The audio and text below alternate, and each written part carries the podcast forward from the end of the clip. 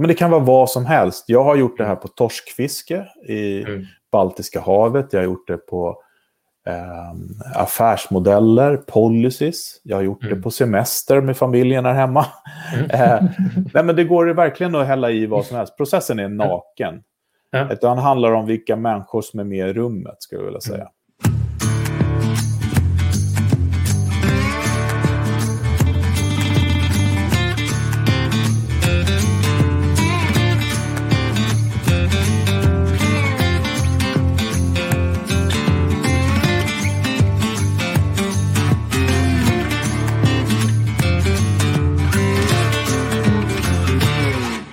Hej och välkomna till Honeypot, podcasten om innovation och allt buss omkring det. Jag heter Fredrik Heghammar och jag har med mig Alexander Wennerberg Larsson. Hur mår du idag? Jag mår eh, eh prima, höll på att säga. Eh, lite, lite sådär eh, småförvirrad får jag säga. Men eh, ja. varit många, många Många bollar i luften den här veckan, för att vara klyschig. ja, ja, men det är härligt. Det är, det är bra att det händer saker. Ja, det är skitkul. Men jag förstår att det kan vara så. Mm. Mm. Eh, du, idag så ska vi prata om, apropå många bollar i luften, så ska vi prata om eh, designsprintar eller sprintar. Mm. Innovationssprintar som det också Innovationssprintar ska vi kunna säga, mm. precis. Mm. Eh, och vad det är och hur vi jobbar med det. Eller jag mm. jobbar med det. Precis. Eh, och Designsprinten då, som det, jag, jag halkar ju ner där som du hör, men det handlar, sprintar handlar egentligen om, det är workshops som går ganska fort. Mm. Eh, och anledningen till att det kallas för sprint är just att det har med hastigheten att göra. Men också lite grann att man pratar om eh, workshops så ligger det lite illa i mm. munnen hos folk. Folk har varit med i workshops, de har lite dåliga erfarenheter eh, och sådär, kan man väl säga. Mm. Eh, har du jobbat i sprintar innan det varit liksom ett fenomen, så att säga? Nej, det eh, vill jag absolut inte påstå att jag har gjort. Eh, mm. Det har varit, eh, ja, men det har varit det klassiska. Man, man kallar mm. det för workshops. Eh, ja, just det. Mm. Men har de workshopsen varit så omfattande som en sprint ändå är? Liksom, att man går från början till slut, så att säga? Eh, nej, absolut inte. Nej. Nej för, att, för mig så var det lite grann Eh, jag har ju faktiskt jobbat i sprintformatet i ganska många år. Och framförallt gjorde jag det på Google då. Mm. Eh, och det var innan Jake Knapp skrev den här Google Design Sprint-boken. Som jag ska mm. prata lite grann om. Men eh, där funkade det ju som, jag tror jag har nämnt det här förut här på podden, men Larry och Sergej pratade varje torsdag. Ja, men det pratade vi om i förra podden ju, när vi ja. hade någon kommunikation. Mm, och, och, och, då fick man ett ämne eller ett tema eller en trend och så, så jobbar man med det under en vecka tills mm. nästa torsdag då helt enkelt. Och det var ju det här sprintformatet kan man säga. Och sen så då, mitt uppe i det här då, så jag jobbade ju faktiskt med Jay Knapp också. Vi, inte, vi var inte på samma kontor. Han var ju i Mountain View och jag var ju i New York. Men eh, vi var inne i samma projekt. Vi startade en skola som heter 30 Weeks faktiskt. Eh, där mm. han var med Google, eh, som representant från Google Ventures. Häftigt. Vad var det för... Vad var det för var... Ja, men det var en skola. Eh, vi gjorde massa research och, och tittade på så att eh, västkusten, så vi var ju på östkusten då. då. Mm. Represent. eh, nej, men eh, västkusten då i USA, det var hela tiden att de var så himla bra på tech och Silicon Valley och hit och dit. Och östkusten är ju väldigt kända för att vara väldigt duktig på design, om man tittar mm. så här. Eh, och eh, då tänkte vi så här, varför, eh, varför är det så för? Och varför är det inte fler founders som är designers? Mm. Så gjorde vi jättemycket research på det och visade sig att det är väldigt, väldigt få av de här topp 100-bolagen som var designers eh, från början som är founders. Eh, bland annat Airbnb då och eh, ja, då hade ju han avlidit då, men eh, Steve Jobs får vi ändå klassas som designer mm. också. Verkligen. Eh, och vi bara konstaterar att vi tyckte att produkter och, och, företag där, där det har varit en designer som är founder är lite najsare helt enkelt. Mm. Om du... Mm. Nej, eh, så, ja. Eh, och då så var det så att vi eh, tänkte så här, hur ska vi hjälpa designers att bli founders? Och då startade vi en skola som hette 30 Weeks. Eh, som inte har med pregnancy att göra. Alltså, men men det, det, ja, på sätt och vis så var det var en, o, o, eller en lyckad eh, vad ska man säga, eller eh, coincidence helt enkelt att det vart så. 30 mm. veckor pratar man tydligen väldigt mycket om när det har med graviditet att göra också. Nej, men det här det var en skola som handlade om att eh, målet var då att turn designers into founders. Mm. Så att vi gjorde den här ihop med olika designskolor eh, och eh, det blev så till slut att Hyper Island då eh, vart eh, utbildningspartnern. Mm. Och det var mhm. ganska roligt där för att vi skulle göra det med eh, de här kändaste designskolorna i New York. Allting var klart och sen så drog sig en skola ur för att de kände att det inte var deras core business. Eh, och då var det liksom så här, hela projektet bara rasade samman. Ja. Vi hade studenter och allting. Allting var klart. Vi skulle bara liksom köra igång. Och så sa jag till min, eh, min chef då, som heter Robert Wong att ja, men, alltså, jag kommer ju från utbildningsvärlden. Jag jobbar på Bergs och, och eh, jag vet att Hyper Island har precis etablerat sig i New York. Och det var mm. Christian Olsson då som jag startade House och Sparks med. Som var mm. där. Och vi var ju också väldigt goda vänner. Så jag hade full insikt i det där. Eh, han bara, Hyper Island, vad är det för någonting? Så, ja, men det, är, det är en av de kändaste digitala skolorna i världen. Han bara, I never heard of. Han var helt ointresserad av det. Eh, ja, så det blev liksom ingenting. Jag fortsatte jobba lite så här vid sidan om, träffade Christian och snackade lite med honom. Så här, det finns en potential här. Liksom. Eh, och sen så hade Robert varit då upstate på helgen, som man är i New York när man är tjänar massa pengar på Google, då åker man upstate på helgerna. eh, och då hade han varit på någon fest där, där eh, det, var, det, var någon som hade pratat om den här artikeln i Forbes som det stod då att Hyper Island var the digital Harvard. Mm -hmm. Så det var liksom snacket på festen om den här Hyper Island. Ah, vilken timing alltså. Ja visst, så att Robert kom på måndagen. Han bara, du eh, Hyper Island, kände du någon där? Jag bara, ja verkligen. Vi kör på att, dem. Eh, så vi startade den här skolan ihop med dem. Mm. Eh, så det var superkul. Det var det sista jag gjorde innan jag slutade där. Eh, men det handlade ju om då turn designers into founders. Mm. Eh, och då var då, det har varit en lång avstickare. men jag tyckte det var ja. intressant. Men Jay Knapp var med då, för att det ja, handlar ju om då att mm. designers skulle kunna starta rörelser och hit och dit. Mm. Helt enkelt. Mm. Och Google Venture som han kommer ifrån var en del av det. Men han hade precis då skrivit den här boken, eller höll på att skriva boken då, som handlade om att om på ett strukturerat sätt eh, gå från eh, idé till testad prototyp på fem dagar. Mm. Och det kom sig egentligen av att han fick ett till barn helt enkelt och kunde inte jobba dygnet runt som man gör på Google. Eh, och behövde en struktur för att jobba. Och då var då han skrev den här boken. För han kom i kontakt med så mycket bra metoder och modeller. Så att det liksom, ja men det här, man kan verkligen lösa stora komplexa problem på bara fem dagar. Om man är en blandad grupp eh, och har en struktur. Mm. Därav det här design thinking då. För att, som designer så jobbar man ju mycket med att skissa och testa och, och eh, observera sådana saker. Det ligger i ens natur liksom. Men andra eh, kompetenser gör inte det lika mycket. Eh, och den boken kom väl ut då precis när jag slutade där. Och det var liksom så här, jag hade nog med mig den hem till Sverige för sex år sedan. Är det ju. I höst är det sex år sedan jag flyttade hem. Eh, och tänkte att det där ska jag pyssla med hemma i Sverige. Det var det mm. som eh, faktiskt eh, var anledningen. Nej, den kom faktiskt lite innan för jag höll på på Anomaly. Jag var ett år på Anomaly när jag kom hem också. Mm. Där, där jag jobbade med det här. Men lite kort då, i alla fall. Den boken ändrade lite grann sättet att jobba i, i världen, får man väl ändå säga. Eh, för nu är det ju väldigt vanligt att man jobbar efter just den boken och metoden. Ja, för väldigt mycket tillskrivs ju på något sätt den boken när det kommer till sprintande. Jo, men precis. Det, det, det blir ju sådär liksom att oh, Google gör så här, då måste det ju funka. Mm. Men en liten hemlis. Mm. Google jobbade inte sådär då. exakt. de gör det nu. Men de gjorde inte då. Det var Jake som jobbade sådär och vi andra ja. jobbade på andra sätt. Men vi sprintade mm. också, men lite mm. mer ostrukturerat. Men den bygger på att det är sju personer som under fem dagar går från att sätta scenen på måndagen Eh, på tisdagen då brainstorma, komma på vad är man ska lösa. på onsdagen hitta på lösningar, på torsdagen mm. prototypa och på fredagen testa på mm.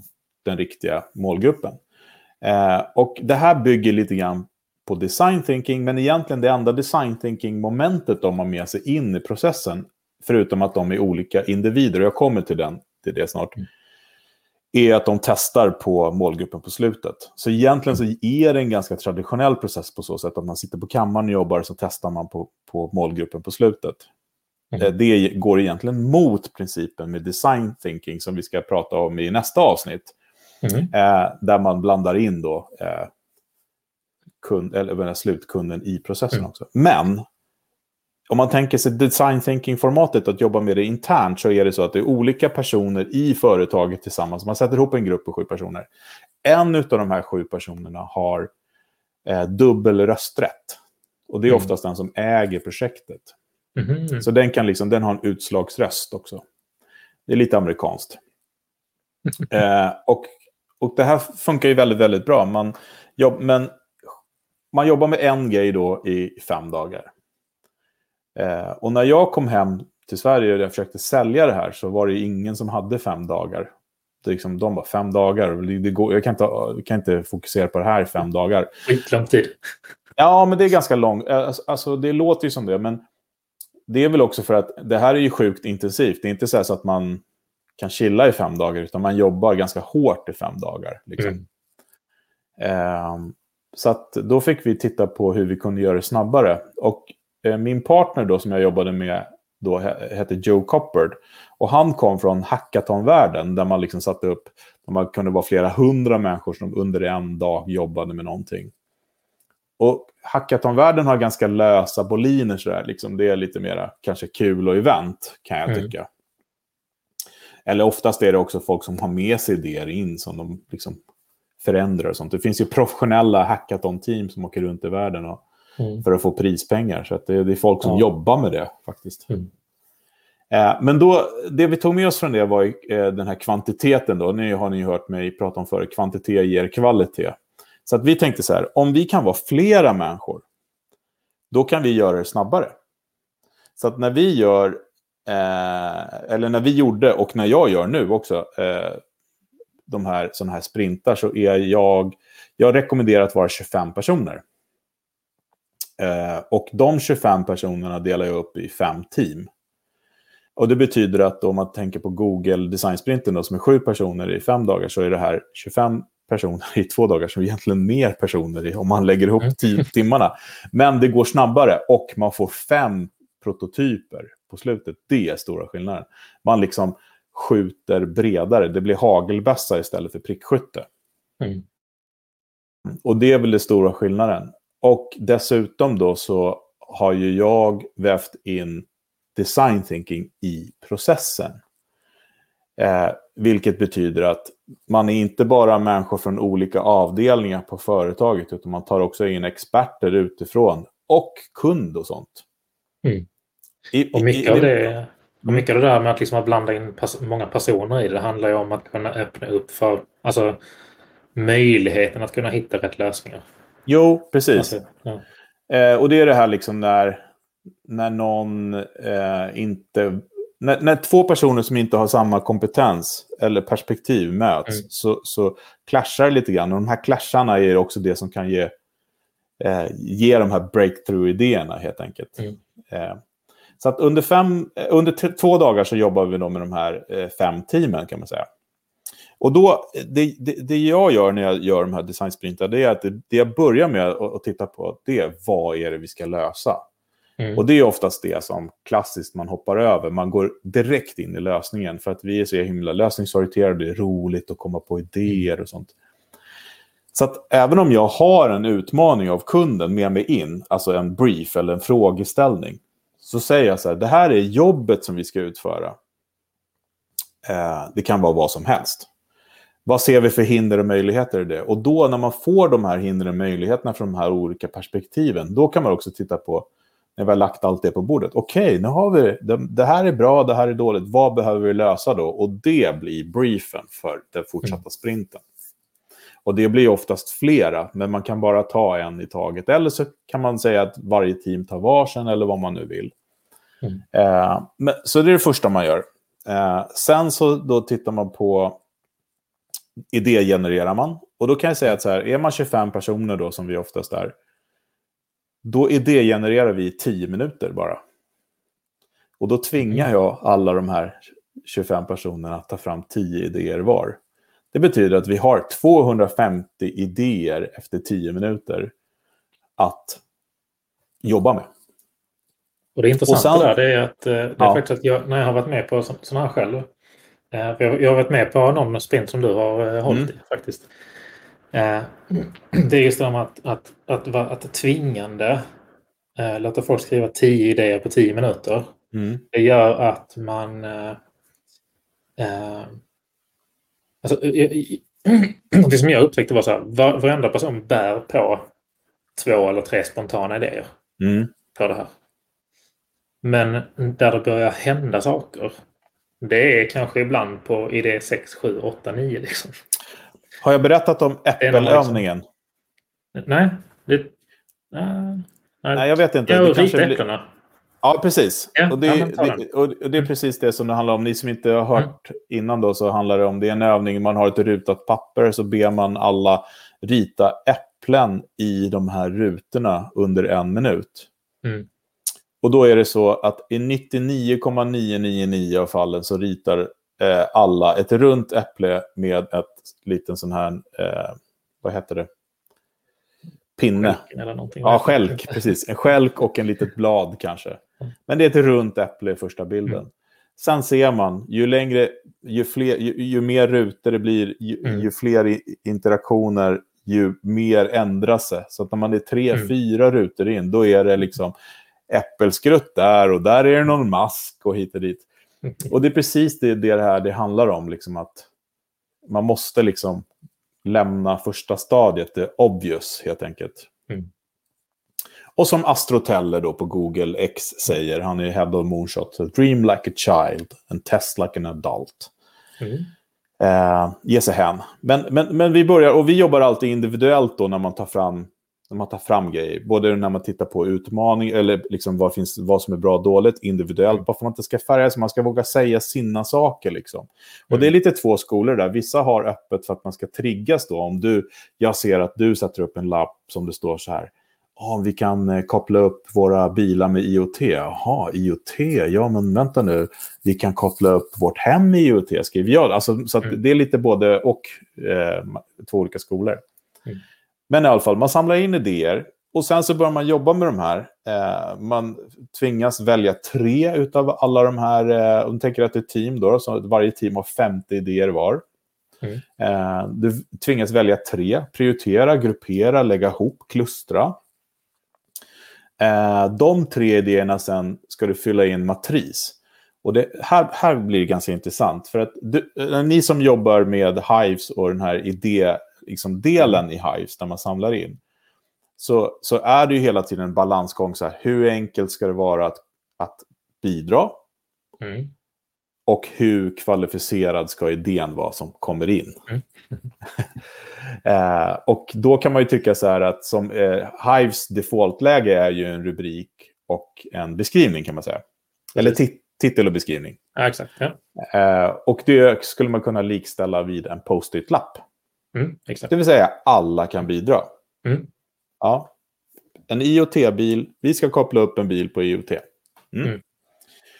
Och det är skitbra när man samlar in, men du kan inte fatta beslut på den där. Så vi behöver Nej. tratta ner, vi behöver göra idéerna konkretare. Så det gör vi här. Vi har tagit fram en matris eh, och har en default-matris då som är eh, titel, beskrivning, eh, vad är det vi löser, till vem och hur kan man skala. Mm. Eh, och den är den defaulten jag jobbar med. Men jag försöker alltid skräddarsy den här till vad företaget behöver ha för svar på frågor. Mm. Men vilka var det? Det var eh, för vem är det vi gör det? Mm. Eh, eh Titel, alltså namn då. Ja, jag säger namn bara för att jag, jag, jag, jag uppmanar också till mm. att namn kan ibland vara halva mm. idén. Mm. Eh, beskriva idén. Vad lever den? Hur verkar den? Hur funkar den? Eh, vad är det du löser? Mm till vem mm. och hur kan den skala? Skala kan, upp kan eller du, skala ner? Ja. Kan, du, kan du berätta lite grann om, om eh, bak, eller till varför, det, varför just de tre? Eller vad, vad finns det för... Liksom? Ja, jag har fått, det här har jag fått med mig från Google faktiskt. Mm. Eh, för att där var det så att, eh, eller, eller, om man ska liksom pitcha för någon, till exempel mm. om man ska få in pengar eller någonting, då är skalbarheten är nästan viktigare än idén. Mm. Alltså, och, men samtidigt så måste man ju då förklara att det finns ett problem där ute. Eh, liksom, som vi kan lösa för någon. Och då kan man mm. liksom statuera vem det är. För att det är också det här när man... Eh, och det här är med mig från när jag jobbar med kommunikation. Om man säger det här är för alla. När någon säger det, då är det för ingen. Mm. Brukar man säga. Kommunikation för alla är för ingen. Eh, mm. Och då kan det vara jättebra när man är ett tidigt stadie, när man jobbar med innovation till exempel, att bestämma det här är kvinnor 30-35 i storstan till exempel.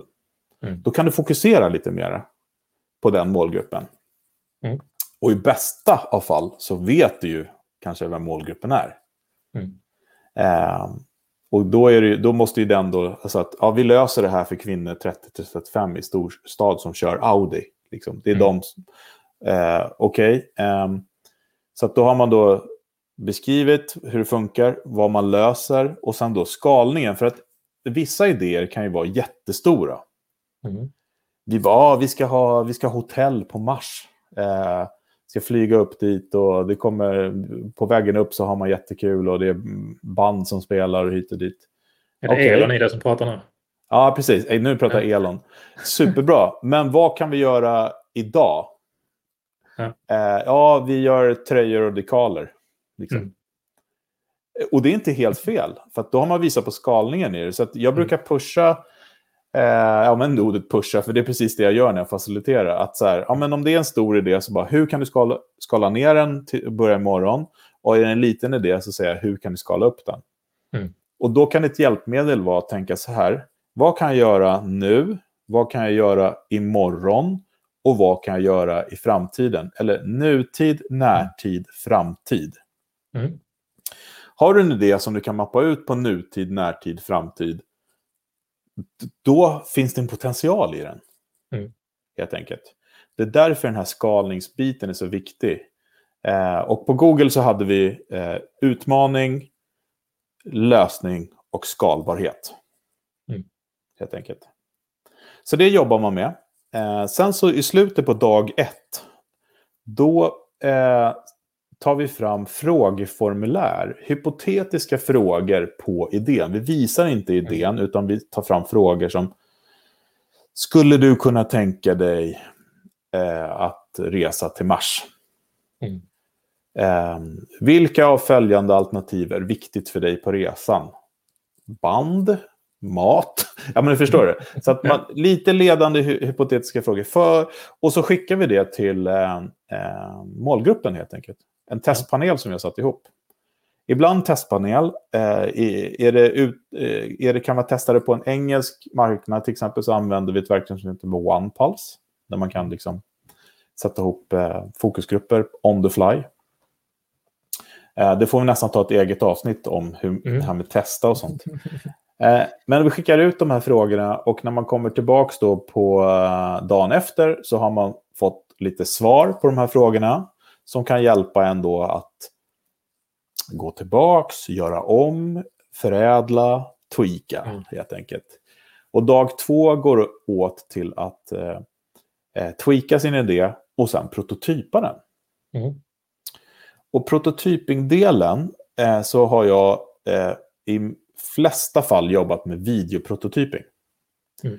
Så att de, då, de här olika grupperna gör egna video med hjälp av sin telefon. Mm. Oftast. Och då kan det eh, vara det... visa upp någonting? Eller, alltså det kan vara försöka visa upp det man har skapat? Förpacka det, förpacka det och visa upplevelsen av idén. Mm. Okay, yes. För att visa upplevelsen av idén är mycket lättare än att visa idén. För att om du ska visa själva idén Mm. Då, då, då, kan du liksom behöva, ja men det ska vara gångjärn där och det ska vara det mm. och man ska göra det. Men att upplevelsen av en idé är ju mycket lättare att visa. Mm.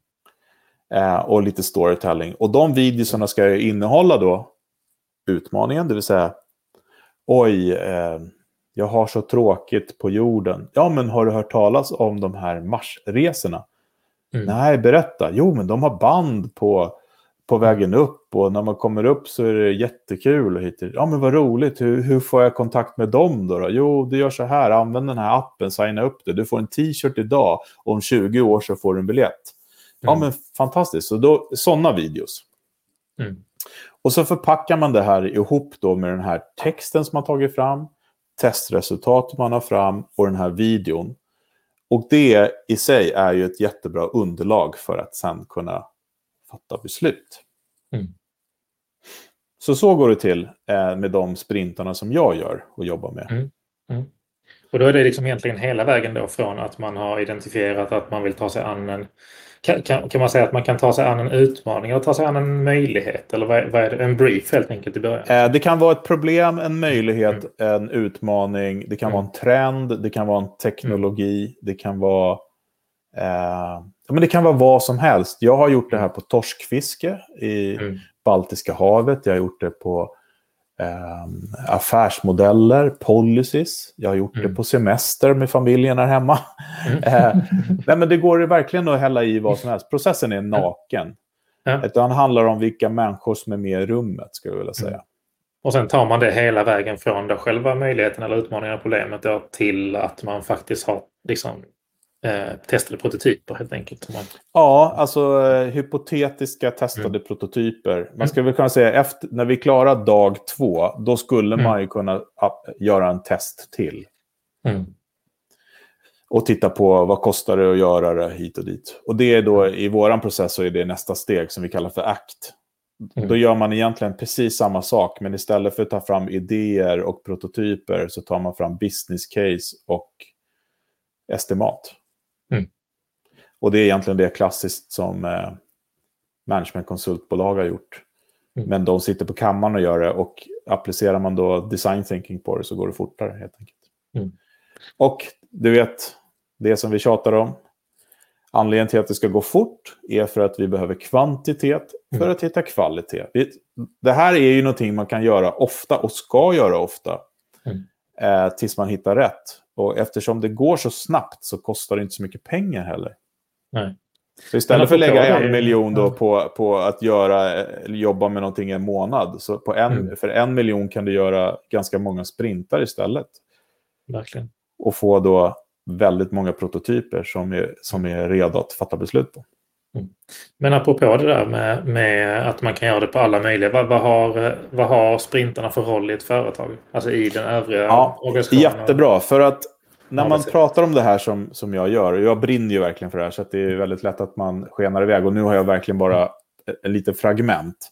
Mm. Men, men det är så här att det här sättet att jobba ersätter ju inte hur man jobbar i en organisation till vardags. Nej. Utan det bästa sättet att, att använda sig av sprintarna, det är att om man tänker sig att man jobbar på olika avdelningar i ett företag, det är ganska vanligt, man har IT, man har legal, man har marknad, etc. etc produktion mm. och så här. Sprintformatet ska man använda när man tar sig an en ny utmaning eller när man startar ett projekt. Då ska man ta representanter från de här olika avdelningarna och gärna kunden också om det går. Det går mm. inte alltid, men gärna kunden också. Och tillsammans då lista ut vad är det vi ska lösa. Det är det viktigaste. Mm. Och sen ta fram idéer tillsammans så att man gör, får göra varandra hörda. Så då vet man att IT-avdelningen de är med. De kommer inte säga nej för att de har varit med. Legal kommer inte säga nej för att de ska vara med. Och både, just de två är sådana som alltid säger nej oftast. För mm. att de får någonting i knät och de bara, det här är ingen som har, IT har inte varit med i det här. Liksom. Nej, men så att lämna era avdelningar eller silos mm. eller vad man vill kalla. Gå upp, gör en sprint på tre timmar, en dag, två dagar, fem dagar. Och sen går ni ner och exekverar det. För att det är väldigt, väldigt vanligt när man pratar om innovation. Man pratar sprintar, man pratar det, man pratar det, det ska gå fort och det ska gå fort. Det man glömmer, det ska också göras. Mm. Det som kommer fram ska tas vidare. Mm. Och det görs inte i en sprint kan jag säga. Nej, det ska förverkligas sen också. Ja, men precis. Mm. Det, det, är liksom, det tar sina timmar att bygga någonting. Det tar sina timmar att designa någonting. Men att lista ut vad man ska bygga och vad man ska designa. Mm. Behöver inte ta lång tid. Nej, det är sprintformatet perfekt till. Ja, men man hoppar över bygga och lansera helt enkelt. Mm. Man har en idé och man lär sig av den tidigt. Mm. Så istället för att då, precis som du har gjort flera gånger och jag har gjort mm. flera gånger, man har en idé, man bygger den, lanserar den, det kostar massa, massa pengar, tar massa, mm. massa tid och sen får man reda på att det inte funkar. Yes. en klassiker. Det är inte kul. Nej. Så det är sprintformatet. Eh, mm. Ingen rocket science alls, utan mm. eh, det är liksom... Eh, det underlättar om man har någon som kan facilitera och se till att man följer alla de här stegen. För det är verkligen minut för minut eh, ja. under de här mm. timmarna eller dagarna som man jobbar. Mm. Ja, det krävs lite, krävs lite övning för att bli duktig på det. Mm. Och nu under 2020, det, eh, jag vet inte vad det kommer kallas i historieböckerna, men säg pandemiåret. Mm. eh, så har ju jag gjort det här online. Och det går precis lika bra. Mm. Inte lika kul är det inte, men det går lika bra. Och jag har mm. fått tumma på det här med att göra videoprototyper. Och så istället för videoprototyp så gör jag user journeys, eller användarresor. Mm. Um, det är också ett väldigt bra sätt att prototypa på, tycker jag. Mm. Men, än en gång, datan som man behöver för att fatta beslut ska mm. bestämma vad det är för prototyp man gör. Mm. Och eh, som jag höll ju ett föredrag tidigare idag som jag tror du var inne och lyssnade på också. Jajamän. Väldigt, väldigt viktigt när man jobbar med prototyping är att prototypen är inte en MVP eller en produkt. Prototyp är en prototyp, mm. den ska vara scrappy, den ska vara snabb, den ska vara fasad av saker och ting. Mm. Börjar prototypen närma sig en produkt, då är man illa ute. Mm. Det finns ju några... Eh, när någon... Eh, vem var det som sa det? Om, om, du får liksom, om du får feedback på prototypen som är mm. typ så här... Eh, den där knappen kanske ska vara lite mindre eller den knappen kanske ska vara blå istället för röd. Då mm. har du gjort den för, eh, för långt. Ja. ja helt enkelt. Absolut, och det är väl, de som har svårast för det här är ju designers och sånt som gärna vill att det ska se fint ut. Men det här handlar om att uh, röra sig snabbt framåt och bygga upp mm. fasader. Och jag tycker så här, vill man närma sig det här, man kan ju googla massor. Google Design Sprinten finns det massa om, man kan mm. höra av sig till mig också om man vill. Men köp den där boken, Jay Knapps uh, mm. Design Sprint, How to Solve Big Problems in Five Days. Är en mm. jätte, jättebra start. Man behöver okay. inte göra precis alla steg som de gör, men man kan plocka russinen ur kakan. Superbra, superbra, ja, superbra inspiration för att ta det vidare. Verkligen, verkligen. Och det funkar eh, man, också det här. Ja, verkligen. Om man vill eh, köra igång med det då? Eh, mm. köpa, köpa boken sa du? Vad, eh, hur, ja, köpa boken. Eh, man kan också höra av sig till mig, mm. till exempel, om man vill ha en att jag kan komma in och hjälpa till att göra första gången. Mm. Visa. Mm. Jag håller också utbildningar i hur man jobbar här på det här sättet. Mm. Och det tror jag att vi ska göra en utbildning via Hives bland annat, där vi kan erbjuda era kunder att göra det här. Så att, jag, gör, jag, kommer göra det åt er, jag gör det på Bergs, jag gör det på Hyper Island och jag gör det själv. Så att, Jajamän. Mm. Grymt. Superbra. på. Eh, ja, visst, superbra inblick och insikter. Jag fick, eh, tror jag att alla fick, fick med sig bra Eh, ja, men en bra inblick i hur det, hur det går till. Ja, men absolut. Och det, det är ju väldigt uh, ytligt bara såklart. Mm. Uh, man måste sätta in i det. Men det, den, uh, ja, det, det är ett format som verkligen funkar om man vill röra sig snabbt framåt. Okay. Men det ersätter inte då det sättet att jobba. det är ett komplement. Exakt. Bra. Det ja. får bli våra slutord. Ja, precis. Tack för idag. Och eh, kommentera gärna. Eh, jag vet att det finns många facilitatorer där ute som mm. har olika metoder och modeller. Så dela med er gärna i, på sociala medier. Ja, såklart. Mm. Vi, vi ses nästa tisdag och tills dess får ni fortsätta innovera och ha en, ha en härlig vecka. Det gör vi. Sprinta på. Visst. Hej då.